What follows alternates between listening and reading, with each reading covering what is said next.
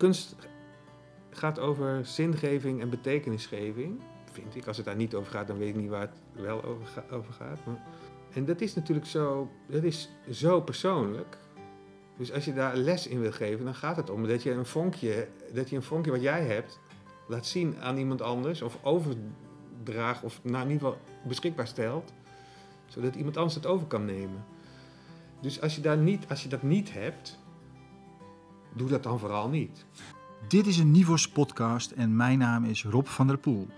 In deze aflevering luister je naar Bart Blijerveld, al meer dan 20 jaar werkzaam in het onderwijs, als docent en leerlingbegeleider bij Artes, de Hogeschool voor de Kunsten in Arnhem.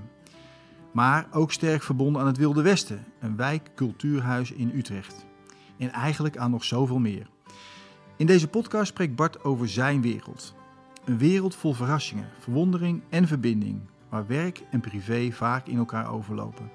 Omdat het, zo zegt hij zelf, eigenlijk niet anders kan. We nemen onze leefwereld en persoon mee in onze aanwezigheid, juist ook als we ons als professional met kunst en cultuurlagen verbinden. Mensen scheiden hun, eh, hun eh, werelden. Hè? Dus wat ik net zei over die, die wijk, dat is je leefwereld. En, en daar ben je, ik ben hier professional en bewoner en vader van mijn vier kinderen. En dit is de plek waar, waar, je ook, waar ik ook mijn moeder verzorg of zo. Hè? Dus daar, op het, in ons werk hebben we het daar dan ook over. Dat neem je allemaal mee. Neem je, neem je ook allemaal mee. En dat, ja, en dat mag er zijn en dat moet er zijn. En zeker als het gaat over kunst en cultuur, hoe dat ook al aan elkaar vastzit, hè, die twee woorden. Mensen leren van mensen. Zo luidde al eens een essay dat Bart schreef in een HKU-opleiding docent literaire vorming uit 1997.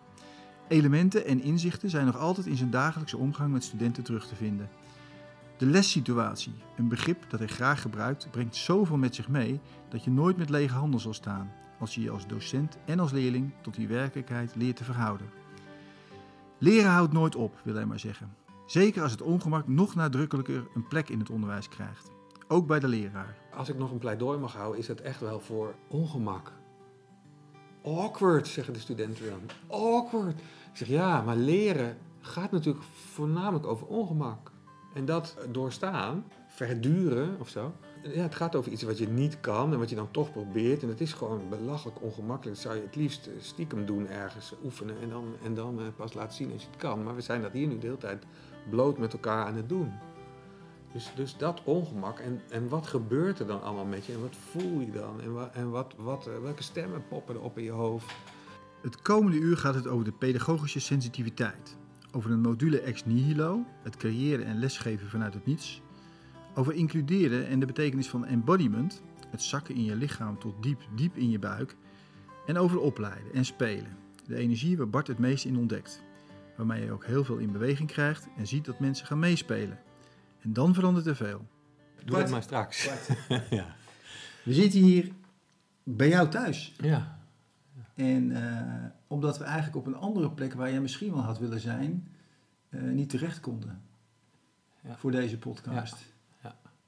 Ja, dat komt door de omstandigheden dat we ons aanpassen aan coronamaatregelen. En dat was in het Wilde Westen, zou ik, eh, had ik graag met je afgesproken. Dat is een wijkcultuurhuis in, eh, in mijn wijk, Utrecht-West. En eh, dat is een plek waar je... En jij weet dat, want jij bent daar ook geweest. Als je binnenkomt, voel je al dat daar iets... Dat er iets anders is dan een heleboel andere plekken die je kent. En, dat, en dat, wat men- de meeste mensen ervaren als je daar binnenkomt, is... ehm, ja, dat er iets relaxed is en tegelijkertijd iets uh, opgewondens, eh, eh, goede energie. Van, want daar wordt eh, muziek gemaakt, daar wordt toneel gemaakt, daar wordt gemaakt, daar wordt kunst gemaakt. En daar wordt kunst in verband gebracht, in samenhang gebracht of in verbinding gebracht met, met eh, alle andere dingen die in de, in de wijk zijn. En de wijk is voor mij geen ehm, sociale afbakening van een geografische afbakening van een stukje stad, maar dat is gewoon eh, dat is de leefomgeving waar mijn dagelijks leven plaatsvindt. En van die andere mensen ook. En waar we het over gaan hebben, denk ik, of waar we het over hebben nu al, dat is ook heel erg. eh, ik heb niet zo'n onderscheid tussen mijn, wat dan mijn professionele werk is en mijn privé eh, persoon is of zo. Of, eh, dat valt eigenlijk heel erg samen. En zeker door corona zullen meer mensen gemerkt hebben dat je thuis ook werkt of zo, dat die werelden door elkaar lopen. En ik hoop dat dat een paar positieve effecten heeft. Dus daarom zitten we gewoon lekker, gewoon lekker thuis. En huis is eh, op twee Canaries na leeg. leeg. Ja, het is ineens veel ruimte ook hier. Heel veel ruimte. We hebben hier met z'n zessen gewoond en nu wonen we hier met z'n tweeën. En er zijn geen dramatische dingen gebeurd. Er zijn gewoon kinderen uitgevlogen. Die allemaal zijn gaan studeren. En, Ja. Je hebt kinderen opgevoed. ik heb kinderen opgevoed en die hebben me bedankt en die zijn vertrokken. En op de meest onverwachte momenten staan ze, ineens weer, staan ze ineens weer in de gang of in je slaapkamer of in je keuken. Dat je echt denkt, hè? Heb je hier vannacht geslapen? Oh, daar heb ik helemaal niks van gemerkt. Ja. Maar dat, die, ruimte, hè? Ik, ik, ik, ik herken dat wat je vertelt over het Wilde Westen. Waar eh, eigenlijk, zoals ik het ervaar, altijd ruimte is voor, voor dat wat zich eh, ja. Ja. wat binnenkomt lopen. Of Ja. wat, eh, de deuren staan daar open. Het, het is onvoorspelbaar. En eigenlijk iedereen en alles wordt geïncludeerd. Zo, ja, dat zeg je heel mooi. Ja, dat is... eh, ja, zo is dat. Ja. Als je, daar, je kan daar niet zomaar binnenkomen lopen zonder gezien te worden, zeg maar. En, meest, en de meeste mensen die daar werken, zien je dan ook echt. Dus, en dat is, ik noem dat ook mijn werk daar, is... eh, dat heeft, we hebben geen functies, maar ik, we hebben wel in een omschrijving zeggen eens, ik ben een soort procesmaker. Of een procesfacilitator of begeleider. En dan, tegen studenten waar ik ook les aan geef, zeg ik wel eens, ja, mijn werk is daar eigenlijk dat ik gewoon in de kantine zit iets te doen, en te wachten tot ik onderbroken word door iemand die nog iets veel leukers zou willen doen. Dus, dus eh, en, en dat zeggen we, ja, dat schrijven we ook op al onze uitingen van, eh, heb je, mis je iets in ons aanbod? Dat aanbod is allemaal ontstaan door mensen die iets leuks willen doen. Mis je iets in het aanbod, kom dan binnen en, en, eh, en vertel het ons. Of heb je een plan, vertel het. Of heb je een vraag, kom binnen. En, eh,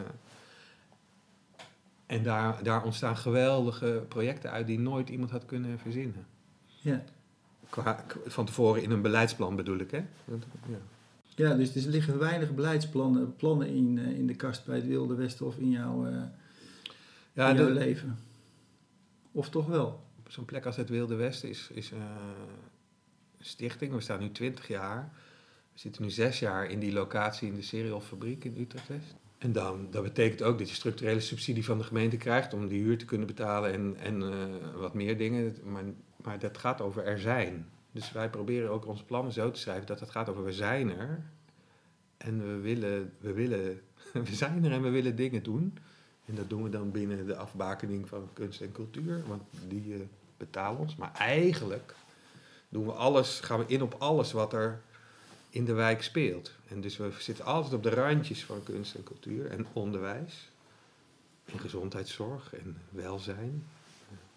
In het, eh, het onderwijs, ik weet dat daar ook een school eh, eh, aan vast zat aanvankelijk. Hè?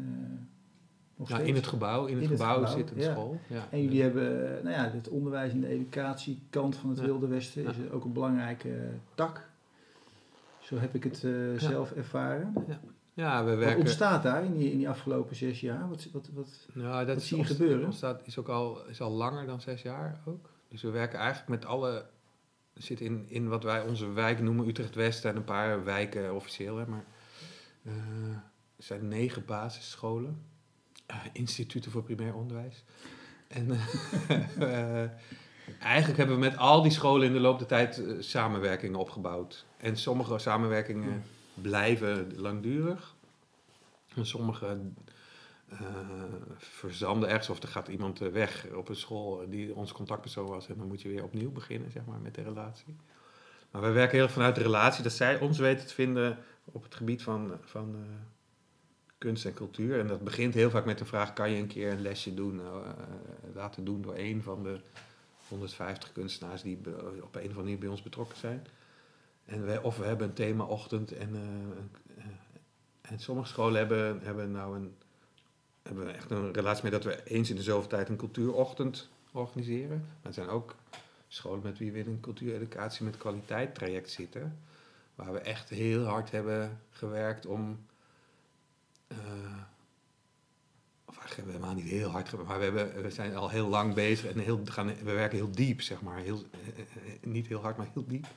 Gewoon op, op eh, de vraag, goh, wat heb je als leerkracht dan nodig om kunst- en cultuuronderwijs een plek te geven in je gewone in je gewone curriculum.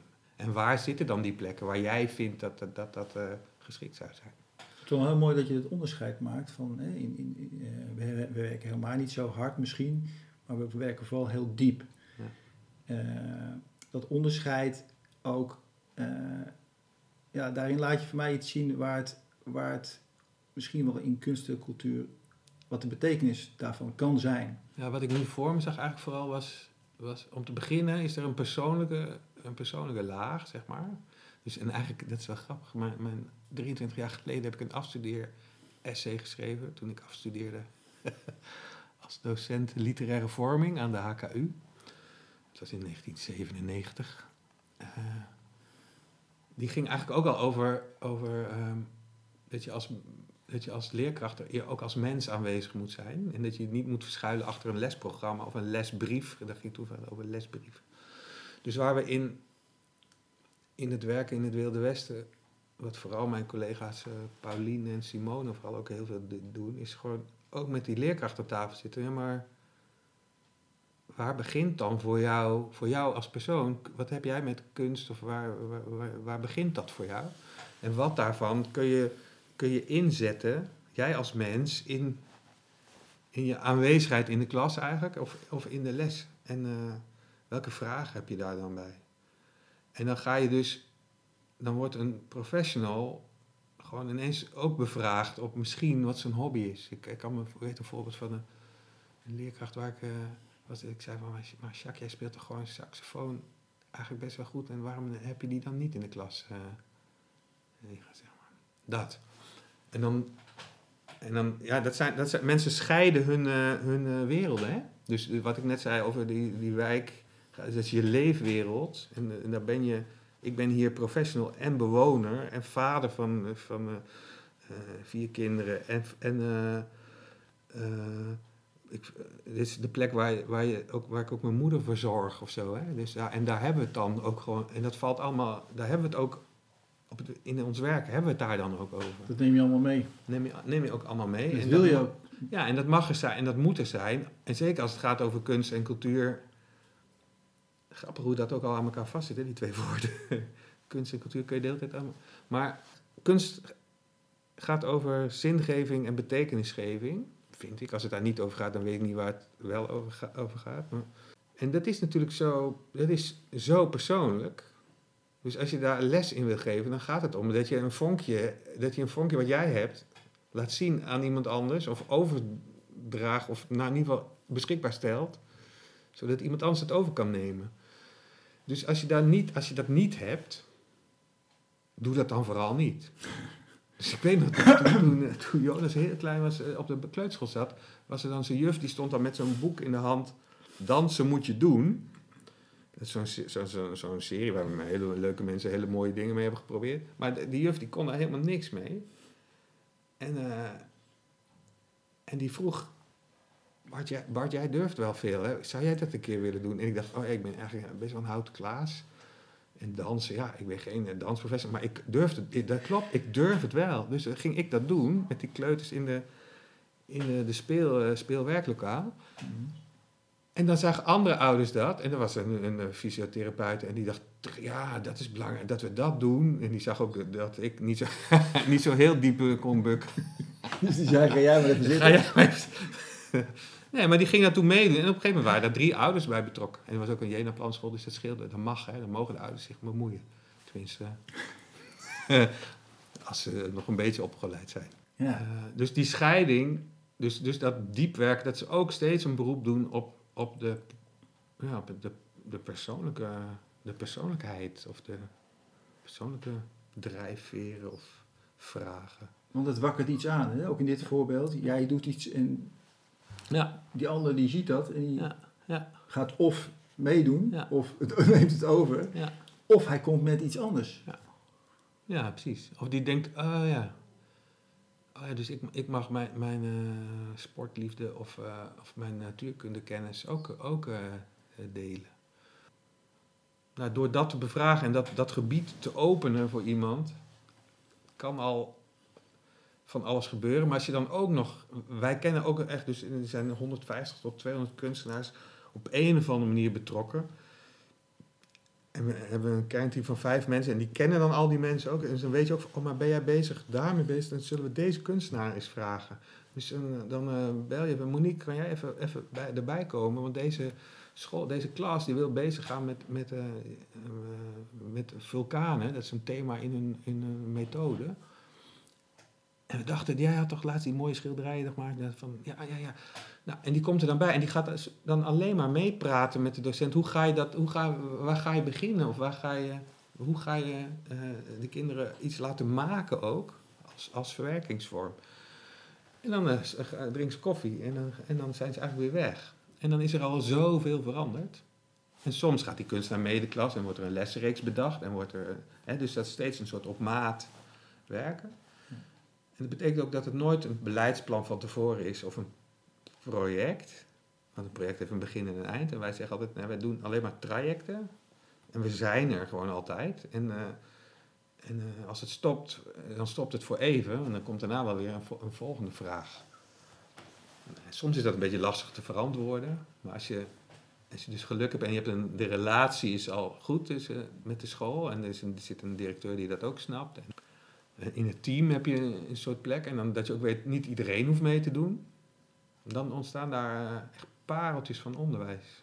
En ik heb het idee dat je, dat je dit, uh, nou, deze oriëntaties of dit, dit, kader wat je nu, wat je nu schetst, eigenlijk ook dolgraag in het onderwijs zou willen leven. Ja, je bent al heel lang bij Art, aan Artes verbonden. Ik weet dat je daar ook allerlei ja, onderzoek daarin doet geen project, maar een, een traject. Wat ik heel leuk... Ja, wij hebben in, uh, bij de docententheateropleiding in Arnhem... hebben we het heel erg met elkaar over de onderzoekende houding van de student. Maar die kunnen we alleen maar... Die kunnen we alleen maar voeden als we zelf onderzoekende houding zijn. Dus, als we, dus wij zijn een... Uh, en het gaat dan niet over dat we ons ineens een lerende organisatie noemen. Nee, maar het betekent dat we zelf leren. De, en wij zelf, dat bedoel ik dan de, de docenten, maar eigenlijk de hele community met elkaar is, is aan het leren en aan het onderzoeken. Dus dat is, een dat is een. En daarin heb ik een persoonlijk traject waarin ik denk: oh ja, ik ben eigenlijk sinds die afstudeer-essay, wat ik, die ik net noemde, ben ik eigenlijk met hetzelfde bezig. En heel soms heeft een student dat door en die, zegt, die zei dan, en dan ben ik heel blij dat ze dat herkennen: oh ja, jij bent eigenlijk uh, het onderwijs aan het humaniseren. En dan denk ik, wow, te gek. Ja, dat, dat moet ik op mijn LinkedIn zetten. Dat ga ik zo even aanpassen. Weet je wel? Dat, maar we zijn, dus ik ben daarin een persoonlijk traject. En we hebben als, als opleiding, als community daarin ook een, ja, ook een traject waarin we steeds meer ja, er zijn. Ja, er zijn, het niet weten en als mens dingen aan het uitzoeken zijn. Kijk, ik toch, val ik toch weer even terug op dat essay wat je schreef de titel uh, Mensen leren van mensen. Je onderzocht daarin het, uh, het, het, het, hier en nu van het lesgeven en de betekenis daarvan. 23 jaar geleden al. En bijvoorbeeld het begrip lessituatie komt daarin een aantal keren voorbij. Waarin je dat schetst. En ik heb het ook uh, zelf mogen ervaren. hoe je daarmee maar mee werkt. Want je haalt er veel uit, heb ik het idee. Ja. Ja, Alleen even, ik moet even denken. Grap, dat is lang geleden, man. Nee, maar de les... Maar het gaat ja, over wat is er... En ik, dat is te gek, hè? Ik heb daar met, met de... Ik geef les aan de studie loopbaanbegeleiding, is een les. Geef ik aan de eerstejaars studenten van, uh, van de docent theateropleiding. En, nou, uh, en dan laat ik ze een uh, moment opschrijven uit de afgelopen week, wat ze hebben meegemaakt. Gewoon op, op vrijdagochtend. En dan zeg ik, oh, spoel even de week terug. Wat is een moment dat je is bijgebleven? Wat is blijven hangen? Maar wat, nee, maak gewoon alleen maar, gewoon, maak maar een lijst met vijf momenten die je nog weet. En dan kies, er, kies er één uit en die schrijf je zo precies mogelijk op dat, dat ik hem snap. En ook de mensen die er niet bij waren. die mensen, die, die, die les geef ik in een groep, die, die, ze hebben wisselende groepsamenstellingen. Dus niet iedereen is overal bij. En dan schrijven ze wat er gebeurde. En dat is dan een beetje vanuit gewoon hun perspectief als, als student. En als je daarna gaat kijken wat daar, wat daar en dan gaan, we dan, dan gaan ze dat voorlezen en dan gaan we met elkaar bespreken wat daar allemaal aan de hand is. Dus wat is in die les de situatie? Wie zijn er allemaal? Wat speelt daar? En, gaat, en, en, en eh, waar gaat het allemaal over? Meestal gaat het, zijn er drie categorieën die, waar, ze, waar, ze, waar ze invallen. Het is een, een vaktechnische categorie. ze hebben les over spelen en ze, en ze hebben een ontdekking gedaan of iemand heeft commentaar gegeven op de manier hoe ze toneel spelen. Of, of ze hebben een, een theaterinzicht gekregen. Of er is een uh, groepsdynamisch of een sociaal ding aan de hand. Van er speelt iets tussen die en ik moet samenwerken met Pietje. En Pietje is helemaal dat. En uh, ik ben het eigenlijk zat, maar ik durf het niet te zeggen. En, en ik heb uiteindelijk toch iets gezegd. Of er is een en dat noem ik dan een pedagogisch-didactisch laag waarop iets speelt. Dat ze, hebben, dat ze zeggen van, ja, maar die docent doet dit, of die leerling doet dat. En uh, ik ben hier en ik voel, en ik voel me ineens uh, gezien, of juist helemaal niet gezien. Of, uh, en dan hebben we het daarover. En dan, en dan hadden we van de week een gesprek over een docent die lesgeeft in feedback-methodieken. En en die had dan een persoonlijke vraag gesteld en die besloot, omdat er te weinig tijd was, dat toch vijf mensen het even kort mochten, mochten zeggen. En, uh, en de, hoe die, die groepje, het groepje daarover sprak, dat was zo waanzinnig interessant. Zeg, er gingen woorden, het zijn echt eerstejaars, er gingen woorden als time management gebruiken. En dat, oh, ze heeft dus gewoon haar, haar de doelen van haar les passen niet binnen de tijd die ervoor is. Dus dat had ze eigenlijk aan moeten passen. En dan, en dan het enige wat ik dan hoef te doen is zeggen: jongens, te gek, jullie zitten op de goede opleiding. Jullie zitten op een docentopleiding en jullie praten op alle lagen over waar we het hier over hebben. En je kan het gek vinden, maar uit dit moment, je zou daar uh, een afstudeer-essay over kunnen schrijven over drie jaar. En dat heb je, ben je nu al begonnen. En dan zie je ze, sommigen schrikken, want die, zitten eigenlijk op de docentenopleiding omdat ze liever acteur willen worden, maar daar niet aan waren genomen. En dan zeg ik, ja, maar, maar blijkbaar vind je het dus toch interessant. Ja, ja, ja. Zeg, en ik vind het altijd zo interessant, omdat al die, op al die laagjes spelen zoveel dingen tegelijk. Als jullie met tienen in een ruimte zitten en er zit één docent en al die persoonlijkheden die allemaal iets meenemen van wat ze, wat ze nog meer zijn dan alleen maar die leerling of die docent. Als je dat allemaal, dat is, ja, ik kan het niet bij elkaar optellen, dus dat is zo ontiegelijk groot. En dan hebben we ook nog een heerlijk vak waarin je dat allemaal uit kan zoeken. En dan zie je ook sommige mensen, weet je, dat is dan vrijdagochtend om 9 uur en dan beginnen ze komen echt hangend binnen. En je ziet sommige mensen helemaal aangaan, want het, het gaat, oh ja, ze worden gezien, ze worden erkend. Maar ze, ze maken zich daar ook echt druk over.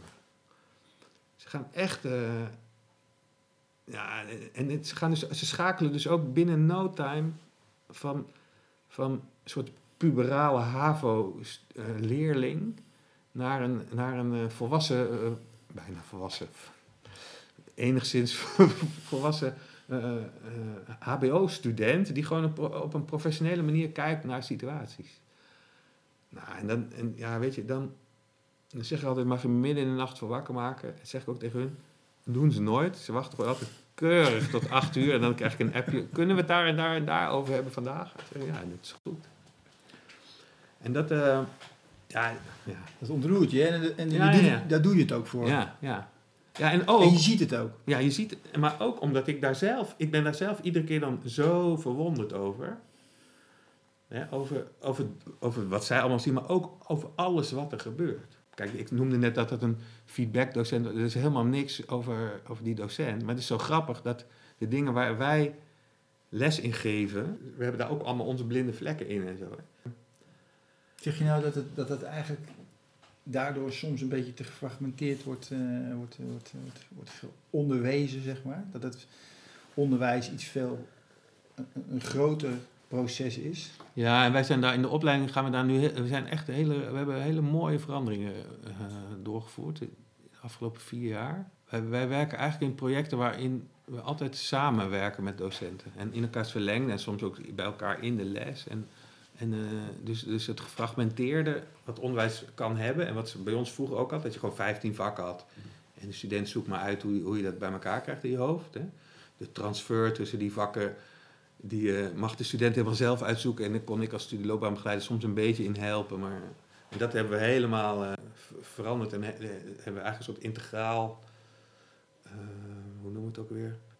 Maar ik weet niet. Soms weet je, die termen doen ook niet zoveel toe. maar dat is, dus het is niet meer zo gefragmenteerd. Het is geen lesplan meer, maar het is een...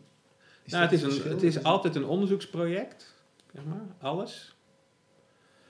Waarin ook gewoon eh, niet voorbij wordt gegaan aan dat wij dat, dat onderzoek gewoon al, eh, al 25 jaar doen of langer. Of, eh, maar, ehm, dus wij weten gewoon meer.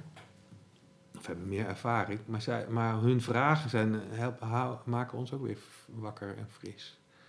En daar is veel meer ruimte voor gekomen. En voor dat we met collega's dat samen doen. Die verandering, het is een grote verandering. Ja. Kun je toch, kun je tech- toch een aantal factoren zo aangeven die daarin voor jou, in jouw wereld een rol hebben gespeeld? En dus ook bij Artis eigenlijk eh, aan veranderingen hebben bijgedragen?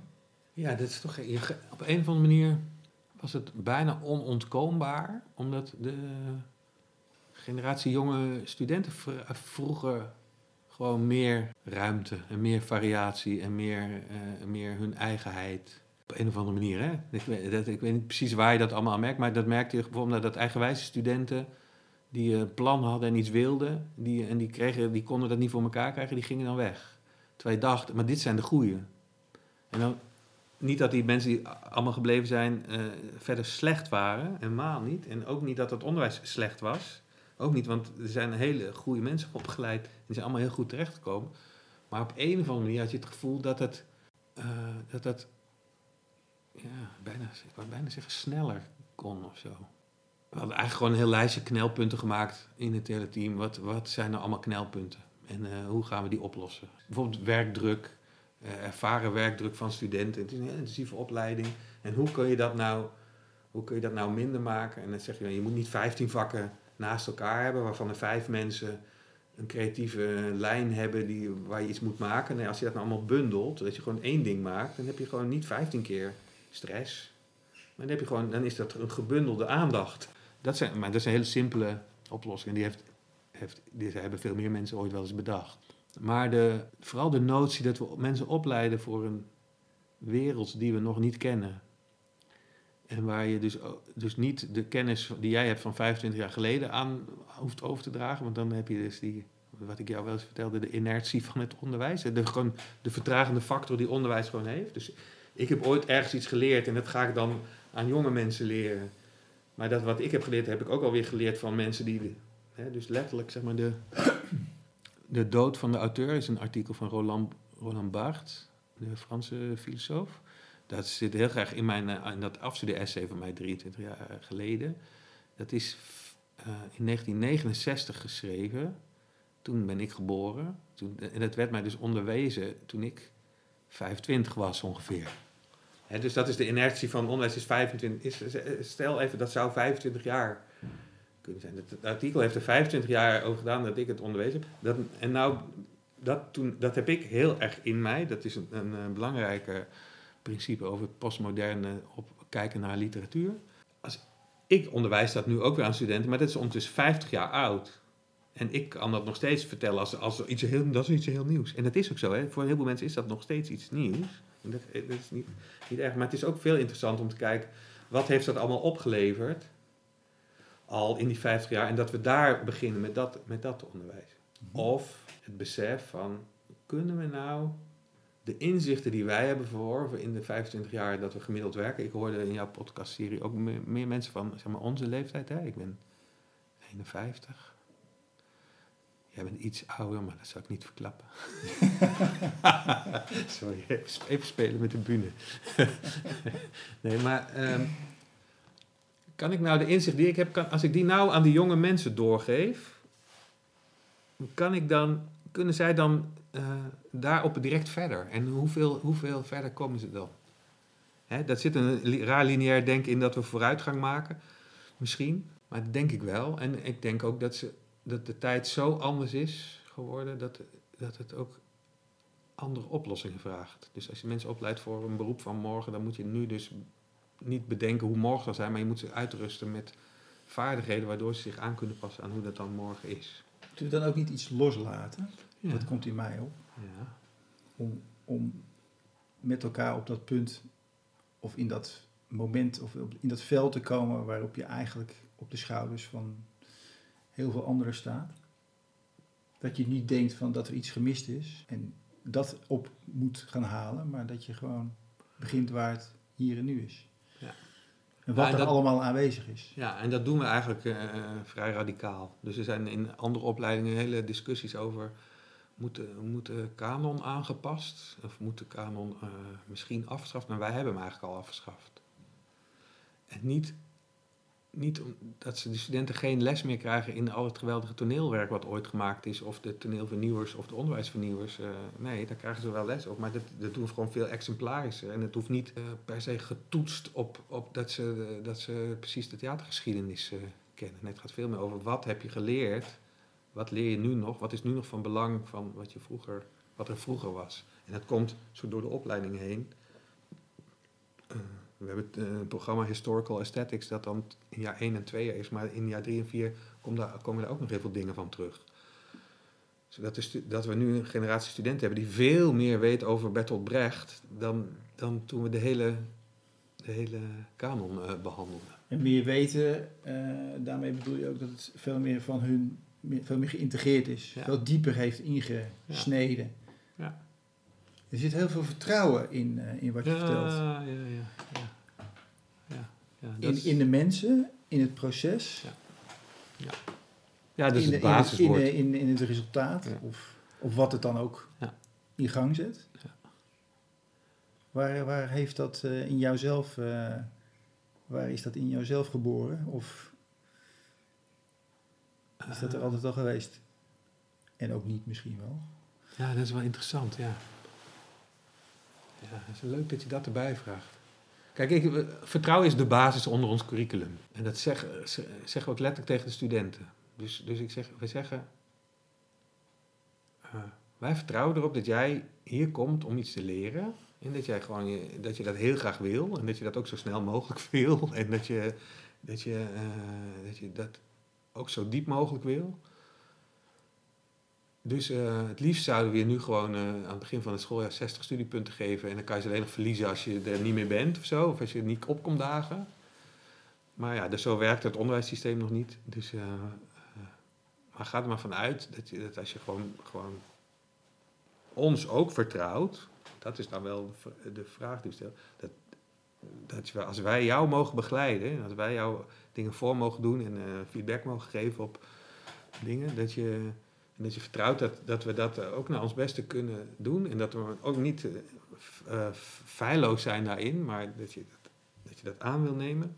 Dan, dan, je, dan ga je dit jaar gewoon halen. En dan, en dan we het verder eigenlijk niet te hebben over wat de normen zijn en wat de regels zijn. En. We hebben alles is zichtbaar. eh, dit zijn de competenties waaraan we werken. Dit weet je allemaal. En eh, wij vertrouwen erop dat je gewoon normaal gesproken in vier jaar tijd eh, met lekker zacht en diep te werken, dat je dan geschikt bent om te beginnen als, als. En dat levert ook in het klein gewoon heel veel ruimte op. Dus ik vertrouw dat jij, als jij er niet bent, vertrouw ik er gewoon echt op dat jij echt gewoon een keuze hebt gemaakt dat je er beter niet kan zijn nu. Het speelt nu in de coronatijd op een heleboel andere manieren ook, maar, maar eh, dat maakt het veel, eh, veel eh, relaxter. In de zin van, we kunnen het gewoon hebben over waar we het over moeten hebben. In plaats van over de organisatie van waar we het over moeten hebben. Want daar gaan mensen zich toe verhouden anders. Ja. En, dat, dat, en dat gegeven, dat is... Ja, ik heb altijd... Ik heb een verschrikkelijke, ik ben een verschrikkelijke leerling geweest, denk ik, op, op de middelbare school. Ik deed maar wat en ik, eh, en ik vertrouwde er wel ergens op. Dat, of ik wist ook wel dat ik... Ik ben niet heel dom of zo. Dus ik dacht, nou, dat weet ik wel. En ik hoef me daar niet druk over te maken. En dan vroegen ze dan zo'n zo'n klasseleraar, wat wil je dan later worden? En dan zei ik altijd, eh, ik wil later vader worden. En dan zei ik met, met dan daaronder zo vraag, wat ga jij mij daarover leren? En gaan we het daar dan over hebben? Ja, dat, dan hoefde je verder, ja, dan was de rest voor de lol, hè, zeg maar. En ik vond het wel leuk, hè. Ik vond de school, of de onderwerpen wel leuk, maar de methodes meestal niet. En, de, en hoe de docent, als de docent persoonlijker was, dan, kan dat, dan kon dat weer, maakte dat weer niet zoveel uit. Mhm. Want je, je- iedereen onthoudt de, er zijn mensen die kiezen een vakkenpakket op basis van de docent, toch? Mhm. Ik heb zelf, eh, met jou mee mogen ervaren in, eh, in een module die, je die ja, met studenten hebt en met docenten hebt gedraaid. eh, ex nihilo of creatio ex nihilo, uit het niets creëren. Of wat is het niets? Het, is een, het was een onderzoek van ons allen. Ja. En je hebt me daarin in, in meegenomen. En ik heb mezelf daar ook in meegenomen. Want dat is, zoals jij dat ook net aangaf, is heel essentieel. Ja. Ehm, en ik heb daar ook gezien, wat, ik, wat mij erg opviel, is over dat vertrouwen wat je net eh, aangeeft en wat je, wat je aanraakt. Dat heb ik gevoeld.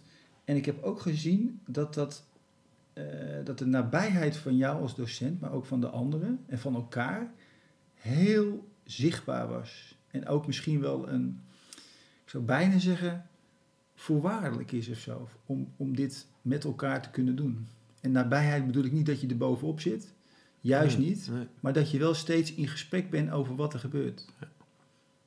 En dat daardoor leerlingen en, en ook docenten keuzes kunnen maken en in verbinding blijven. En keuzes mogen maken. En ook, ik, wat ik zag, is ook dat dat bijdroeg aan, ja, aan mens worden, aan mens zijn, aan volwassen in de wereld staan. Ja, wat ik, kijk, wat je moet over die module.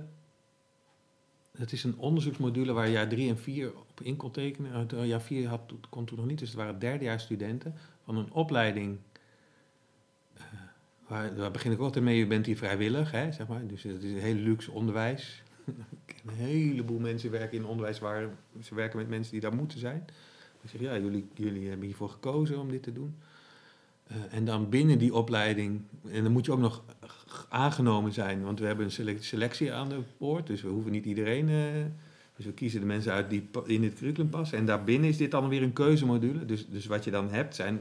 Ja, als ik, ik vertrouw de mensen dat ze willen leren. Maar dan heb ik ook nog een club mensen die willen leren. En die, willen, die kennen mij, die hebben dit gekozen, die willen dit leren. Met mij.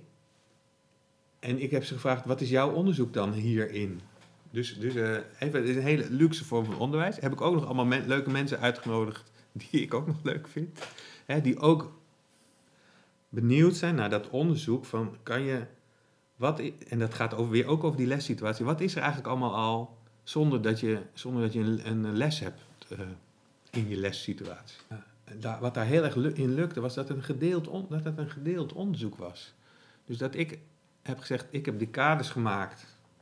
Met, we, hebben we hebben drie dagen, dit zijn de, de gasten.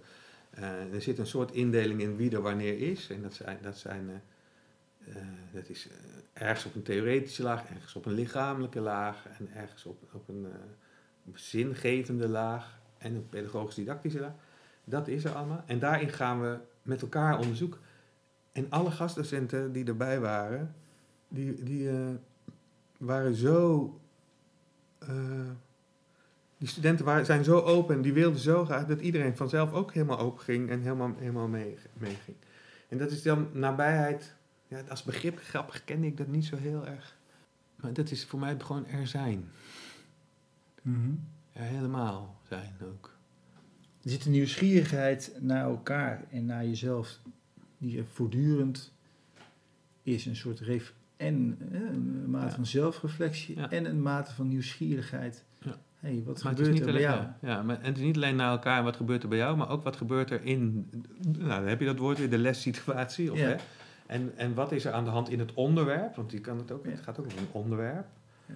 En, en het gaat dus over de interactie tussen al die, al die factoren, actoren die daar, aan die daar spelen. En dat kan dus ook zijn, hoe, het is, het, hoe is het bij je thuis op dit moment? Dus er komt iemand binnen en er is eh, gedoe of zo. En dan is dat er ook even. En dan gaan we niet over en gaan we niet eh, in behandeling nemen of zo. eh, maar maar dat moet, mag even zijn en dan kunnen we weer hebben over waar het, waar het eh, over gaat.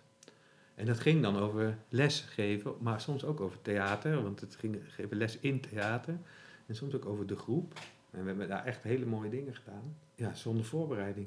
Of Wat- soms met voorbereiding en Ja. ontdekken dat het Ja. helemaal Ja. niet past. Maar zeg maar, wat, wij, wat, wij, wat, wat je dan hoort van docenten, na, na zoveel jaar heb je dan zoveel ervaring, dan heb je zoveel repertoire en heb je zoveel blauwdrukken. En kan je zoveel dingen, dat je gewoon voor de klas durft te gaan staan, zonder dat je het heel erg hebt voorbereid, dat je wel ongeveer weet wat je gaat doen. Maar, en dat je dan eh, de flexibiliteit hebt om in te kunnen spelen op wat er op dat moment actueel wat er aan de hand is. En dat is dus ook gewoon gewoon een onderzoek van, kan je, kan je mensen dat leren zonder de ervaring? Kunnen ze iets doen? En wat, wat, ik, wat ik daarin ontdekte, is dat ze heel gauw toch, ja, zoals wij dat ook denk ik doen, een, ja, je valt terug op een repertoire. En dan is het soms, dat is een geleend repertoire, hè? Dat is dan doe je een andere docent na. Ja. Je hebt een werkvormpje die je, dat je ergens hebt, en dan, oh, gooi dat er maar in, zeg maar. Of een opdrachtje wat je kent. En dat ik, ik zeg een werkvormpje, een opdrachtje, en, daar, en het zijn kleinwoordjes, en daarmee geef aan dat ik dat dan misschien niet zo waardeer. Maar dat is, ik waardeer het min, iets minder voor mezelf, maar als iemand dat doet en goed kan en goed, dan vind ik dat echt te, te gek. Maar ik, vind zelf, ik ben zelf altijd allergisch voor mensen die denken dat lesgeven is, ik geef wat opdrachten. Zo. Ja. Dus ik denk, nee, lesgeven is, ik ben er, jij bent er, we willen iets. Eh, we hebben het over, eh, we hebben afgesproken dat we geen yoga doen, maar kunst. En eh, ja, dus dat, dat gaan we, dus daar gaan we iets in doen. En dan, weet, en dan ben ik altijd, ik ben altijd bezig geweest met zelf opdrachten ter plekke ontwerpen of bedenken. En dan verrast worden door wat er dan uiteindelijk gebeurt. En ook Ja. wat, de groep, wat de groep dan doet. Ja. En dat is, zeg maar, ja, dat is ook weer, daarom zit ik ook op die, in dit vak, hè, of in de, bij, de, bij de kunsten, zeg maar. Want ik hoef, niet, ik hoef niet per se bezig met kennis over te brengen.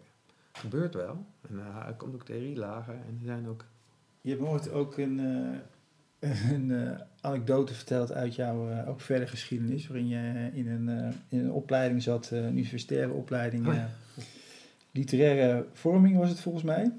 Nee. Docent Alge- algemene letteren. algemene letteren. ja, ik was was naar de universiteit. Ja, Universiteit. Ja, En je Oh, kwam daar een docent tegen en, die, eh, en eh, jullie hadden het over de, de verschillende soorten kennis die er waren en die er zijn. En dat lepelde, dat haalden jullie met elkaar op. En er waren verschillende soorten kennis.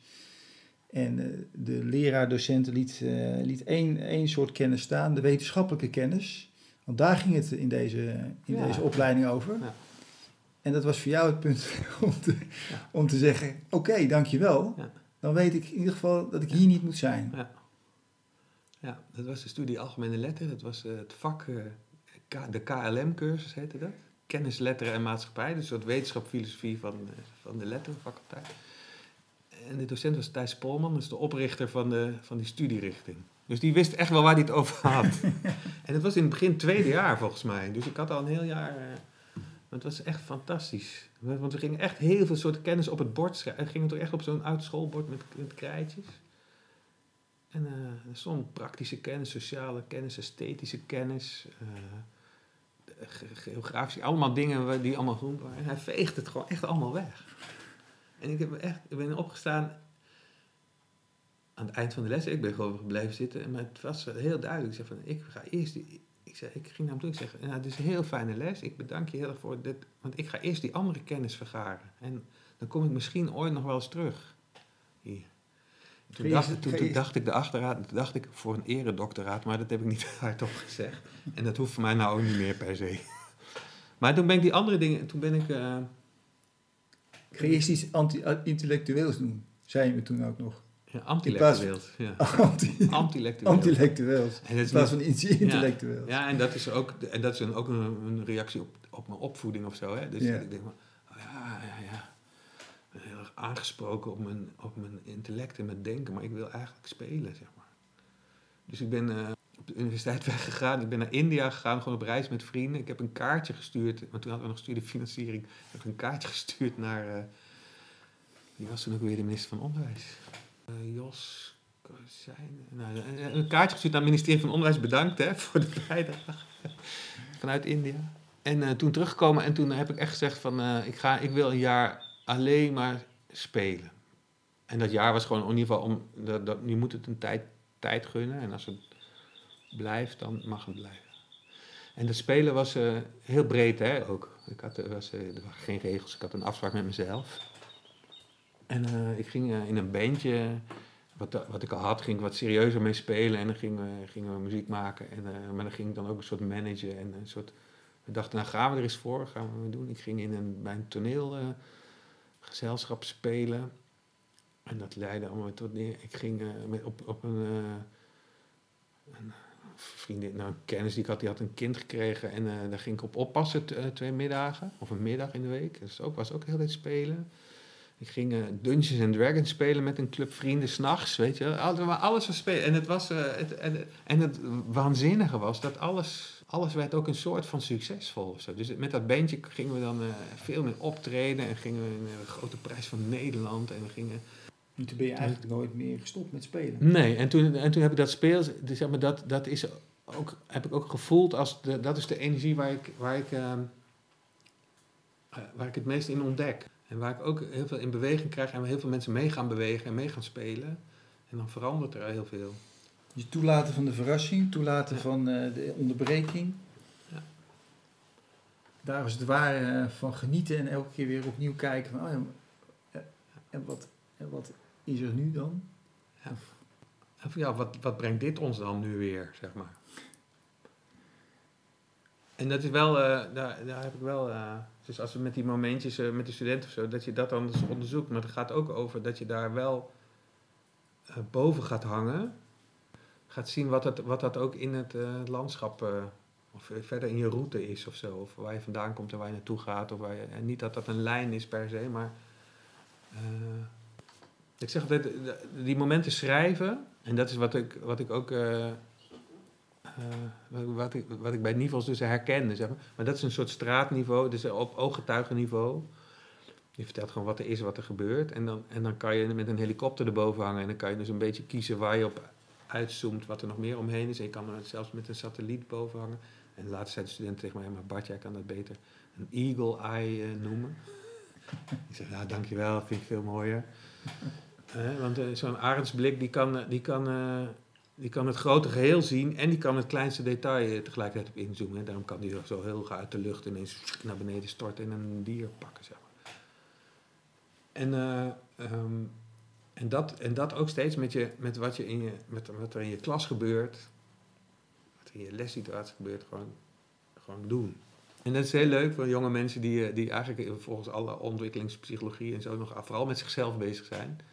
Dus het gaat vaak via hunzelf en via hun ervaring, wat ze voelen ook. Of wat ze, heel veel mensen zijn de laatste tijd bezig met onrecht en recht en dat soort dingen. Eh, Heel, heel interessant. En eh, Ja, wat speelt er in de actualiteit bij, bij studenten, bij jongeren van, eh, van die leeftijd en misschien wel... Je hebt zelf ook een aantal eh, kinderen die eh, in die leeftijd zitten. ja, maar die, die vechten dat soort dingen niet met mij uit. Nee. ja, soms wel. Zo is, vertel het me wel.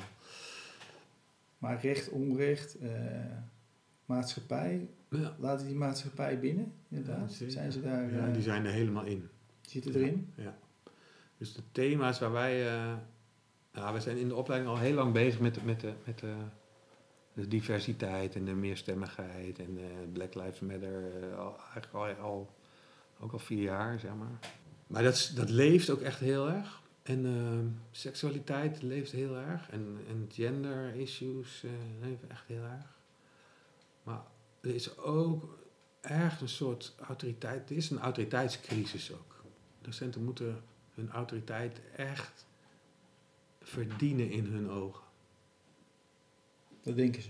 Of is dat ook zo? Nee, dat, zo voelt het, zeg maar. Dus je, krijgt, je krijgt niet zo automatisch, omdat je voor die klas staat, krijg je die autoriteit. En niet alle docenten kunnen dat makkelijk. Hè, dus, dat, maar dat, dus wij zeggen, we gaan een onderzoekende houding hebben. Dat betekent ook, we weten het niet. Er zijn dingen die we weten, er zijn dingen die we niet weten. Ja. Dat moet je als docent ook kunnen. zeg maar. En nou zitten studenten in, een, in, een, in de opleiding in een, hoe zeg je dat, een tijdsgevricht waarin er docenten zijn die dat wel heel erg doen en docenten ook die dat niet heel erg doen. En dan, en dan eh, komen ze bij me zo, Bart, oh ja, die en die docent, die heeft dat begrip eh, leading learner, eh, wat, wij, wat wij geleerd hebben, dat heeft, heeft hij nog nooit geleerd, hè? Is die nog niet embodied? Ja, precies. Dat heeft hij nog niet helemaal. Want dat is waar we, waar we dat is wel leuk hoor, waar, daar gaan we heel erg naartoe. Dus de, die, die ex nihilo module was een onderzoek naar wat, wat kun je scheppen uit het niets, kun je lesgeven uit het niets. De conclusie is, niets bestaat niet, maar alles is er al. En wat je moet doen is kiezen. Dus je kiest uit alles wat er al is, kies je waar je aandacht aan geeft, wat je vorm geeft, wat je... Ik wist, ik, ik wist die die conclusie wist ik eigenlijk al, zeg maar. maar ik heb van de studenten heel veel gekregen op manieren hoe je dat, hoe je dat dan doet, hoe zij dat dan doen, wat zij, wat zij al wel doen en wat zij nog niet doen. Dus zij hebben mij, mij eh, een geweldig cadeau gegeven in dat, dat de eindpresentatie was, was een bijeenkomst. Wat, uh, ja, uh, het was geen les, het was geen voorstelling, het was geen tentoonstelling, het was geen, geen audiobeleving, maar het was, het was het allemaal. Het was één grote verbonden ervaring met, met op alle lagen input. Het was waanzinnig vormgeven. En wij willen wij willen ons vak het liefst uh, artist educator noemen. Dat is een Engelse term, maar in plaats van docent theater. Omdat je, dat we vinden dat we heel erg docent zijn vanuit de kunst. Dus, dus, en daarom staat artist ook voorop. En dat het, de kunst is ook het lesgeven in, uh, in kunst, is gewoon kunst. Ja. Maar is dat niet dat het lesgeven in zijn algemeenheid? Ik denk lesgeven sowieso kunst is. Je bent altijd aan het. Dus ik, ik zeg altijd vormgeving en, en uh, dramaturgie en uh, didactiek. Dat is allemaal hetzelfde. Alleen je materiaal is steeds wat anders, of je doel, het doel is anders. Maar je gebruikt dezelfde vaardigheden. Ja. Dus, dus uh, is, is de kunst van het onderwijs geven. En de volgende stap is die wij nu in de academie breed gaan zetten, aan het zetten zijn, is dat we in plaats van het hier en nu hebben we het over de, de not yet. Dus dat is, uh, dat is, een Engelse term die, die we in de, zelfs in de vertaling van de essays die daar nu over komen, niet, niet echt vertalen. Dus spannend. we hebben research circles. Ja, dat is heel spannend. Not yet. Ja, en wat, wat we onderzoeken is de embodiment of the not yet. Maar dat je dus die, die staat van, van, uh, van dat wat er nog net niet echt is, of wat, wat nog in wording is, dat je die eerst erkent en omarmt als, als, waarde, als waardevol. En dat je vanuit daar de gevoeligheid ontwikkelt voor wat het allemaal zou kunnen zijn. Dus dat is letterlijk wat in de module ex nihilo al aan bod kwam. Van, want je bent in het hier en nu, maar je kiest wat je gaat doen op basis van dat je verwacht dat het iets zou kunnen worden. Maar daar in die handeling zelf zit al, zit al de, daar zit de, de, op, de spanning al en het resultaat ook al. Dus de pedagogische sensitiviteit, de pedagogische tact. Ja, precies. En dat is, dat is uh, uh, de ondertitel van, uh, van, het, van de essays waar nu aan gewerkt, dat is de, um, de re rehearsal space. Dus we, we, zitten in een oefenruimte. Mooi. Met het, met, het onderwijs, maar ook wij met ons, als onze mensen afgestudeerd zijn, in het werk wat ze gaan doen als artist educator in de wereld. gaat over het creëren van mogelijkheden die we misschien nog niet hadden, of misschien uh, vergeten waren, of, uh, of, uh, of dat, dat organiseren, dat belichamen. Rehearsal space, dan moet ik weer denken aan de tussenruimte, zoals Arend, Anne Arend die ja. Naar voren brengt, de derde ruimte. Precies, daar gaat het over. Ja, het zijn bijna, bijna die begrippen. Dat we daar, maar dat je daar dus ook zo lang mogelijk in blijft. Leven en onderwijzen vanuit de tussenruimte of in de tussenruimte. Ja. ja. Ja. Mooi. We zitten al over een uur. Ja, maar ja. Het gaat gewoon Zullen door. We wat eten en dan uh, doorgaan. Misschien komt er nog een deel 2. maar uh, ik denk dat het, uh, tenzij jij nu nog iets hebt wat. Nou, wat ik wel grappig vind is dat dat embodiment komt er nu een beetje aan het eind bij. Maar als je, als je, dat, als je nou van als ik het nou voorbereid had of zo, dan, dan en misschien is, zie ik dat ook nu pas, maar dat er zijn en de, aan, de nabijheid, dat is, ook, dat is echt ook een lichamelijke notie. Hè? En dat is ook zo mooi, in de coronatijd ontdekken we ook weer hoe belangrijk dat is. Hè, we zijn hartstikke trots op hoe goed we ook via Teams en Zoom les kunnen geven. En wij, maar wij hebben echt keihard gepleit voor ons vak theater en ons vak lesgeven is iets wat gewoon in, uh, in nabijheid gebeurt. Embodied.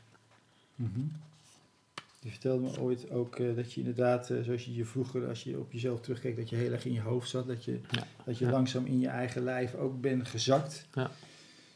En dat je ook voelde dat je, hoe zei je dat nou? Ongeveer nu in je buikgebied Ja. eh, zit. maar dat is, dat is ook een, een, een pad waarin je nog steeds ruimtes blijft ontdekken en voelen. Ja, zeker. Ja. Kijk, ik kan heel goed tegen ongemakkelijke situaties, bijvoorbeeld. Omdat mijn hoofd het niet op hoeft te lossen. Omdat ik gewoon denk, oh ja, als we hier even goed naar kijken en in blijven, dan lost het zich ook wel weer op. Of er komt iemand met een oplossing. En dan ben ik, voor een heel groot deel, met mijn aandacht gewoon in mijn buik. En, eh, want dat is, als ik nog een pleidooi mag houden, is dat echt wel voor, voor eh, ongemak. Awkward, zeggen de studenten dan. Awkward. Ik zeg ja, maar leren gaat natuurlijk voornamelijk over ongemak. En dat doorstaan, verduren of zo. En dan, want ja, het gaat over iets wat je niet kan en wat je dan toch probeert. En het is gewoon belachelijk ongemakkelijk. Dat zou je het liefst eh, stiekem doen ergens, oefenen en dan, en dan eh, pas laten zien als je het kan. Maar we zijn dat hier nu de hele tijd bloot met elkaar aan het doen. Dus, dus dat ongemak. En, en wat gebeurt er dan allemaal met je? En wat voel je dan? En, wa, en wat, wat, eh, welke stemmen poppen er op in je hoofd? En het daar, hè, dus de- daar in, die, in, die, in die momentjes eh, beschrijven, hebben we het daar, daar soms ook over. En sommige mensen durven dat dan echt te vertellen. En echt, eh, en dat je dan denkt, en dat zou dan, zou dan al die docenten die ik heb gehad, zijn die nou eigenlijk altijd bezig geweest om dat ongemak te voorkomen? Want, je, want het is juist, je moet snel de oplossing weten en ik geef je de oplossing en leer die nou maar. Of zijn we nou, eh, hè, en, en ik zie dan, als ik met zo'n bril kijk, dan, eh, dan eh, zie je ook gewoon elke docent, gewoon de persoon van de docent, die de- hoe die met dat ongemak omgaat. Van zijn Mhm. eigen ongemak, het ongemak van zijn leerlingen, Mhm. die iets niet weet, maar ook maar zijn eigen ongemak van als hij zelf iets niet weet. Dan denk ik van ja, zie je wel, dus, dus je persoonlijke ontwikkeling gaat echt altijd vooraf aan je professionele ontwikkeling. Dus waarom maken we daar zo'n onderscheid tussen Ja. in, die- in het onderwijs? Het, is, Dus- eh, het valt ook in de lijn van eh, onze Belgische psychiater, Dirk de Wachter, Oh, wel, die ja. daar, eh, die daar eh, is zich dat hard voor maakt. Oh. Maar ook de, de kunstenaar die, die die turnclub in, in Nederland heeft, is gestart, weet je ook? Marijn 12? ook? Marijn van Twaalf over, die de Onzekerheidsacademie Ja, ja, ja. heeft nou- opgericht. Ja, ja. Ja, kijk maar, en Artes heeft, heeft als slogan heel lang eh, die uitspraak van Beckett gehad, van fail again, fail better. Dus, eh, dus je moet vooral durven falen en zo. En dan, en, maar dat kun je, maar als je, maar, maar als je dat echt doet, dan moet je dat als organisatie dus ook doen. En anders is het, is het gelul. En dat zijn we dus in de, in de, in de opleiding zo van aan het, aan het, aan het proberen. En het is waanzinnig wat dat, wat dat, wat dat oplevert. Mhm. En dan zei- ben ik vandaag nog, eh, nog een hele briljante student aan de telefoon die zegt, mag ik even met je praten, want ik, ik kan het niet loslaten. En het moet goed, het moet zijn en het, en het moet en het moet bijna af. En ik zit, eh, wat moet ik nou doen om daaruit te stappen?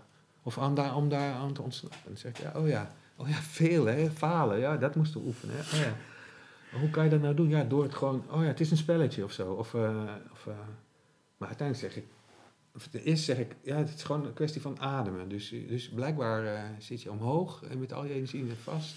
Dus kan je gewoon even letten op je ademhaling. En niet ingewikkelde ademhaling oefeningen, maar gewoon gaan wandelen. En even je adem voelen. Oh ja. Nou ja, dat is. De, maar dat ongemak van leren, dat we dat gewoon. eh, ja, dat, dat, eh, dat we dat delen met elkaar. En, ge- en de, hoe je maar, zo- jij, jij spreekt wel veel onderwijzers, hè? Ja. Ik noem het altijd graag onderwijzer, weer een eretitel. Het is wel een goede vraag om, eh, om eh, te kijken van hoe doen we dat eigenlijk? Hoe doen we dat waar we geen antwoord op hebben? Ja. Hoe doen we dat het, het in de situatie weer iets, weer een ander laagje komt waarvan je denkt, oh, help. Dan laten we de stiltes ook maar in deze podcast eh, gewoon eh, intact. Oh, ik ben, ik ben voor mijn gevoel helemaal niet stil Om, geweest. om de luisteraar eh, ja, even te beproeven in zijn ongemak. Ja.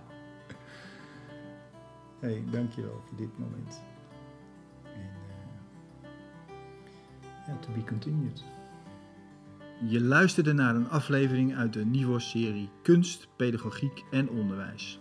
We zijn benieuwd wat je hebt gehoord. Voor een reactie kun je ons een mail sturen of met sterren aangeven wat je van deze podcast vond. Nivos podcasts zijn ook te beluisteren via Spotify en Apple Podcasts. Stichting Nivos sterkt leraren en schoolleiders in de uitvoering van hun pedagogische opdracht. Voor meer informatie kijk je op www.nivos.nl.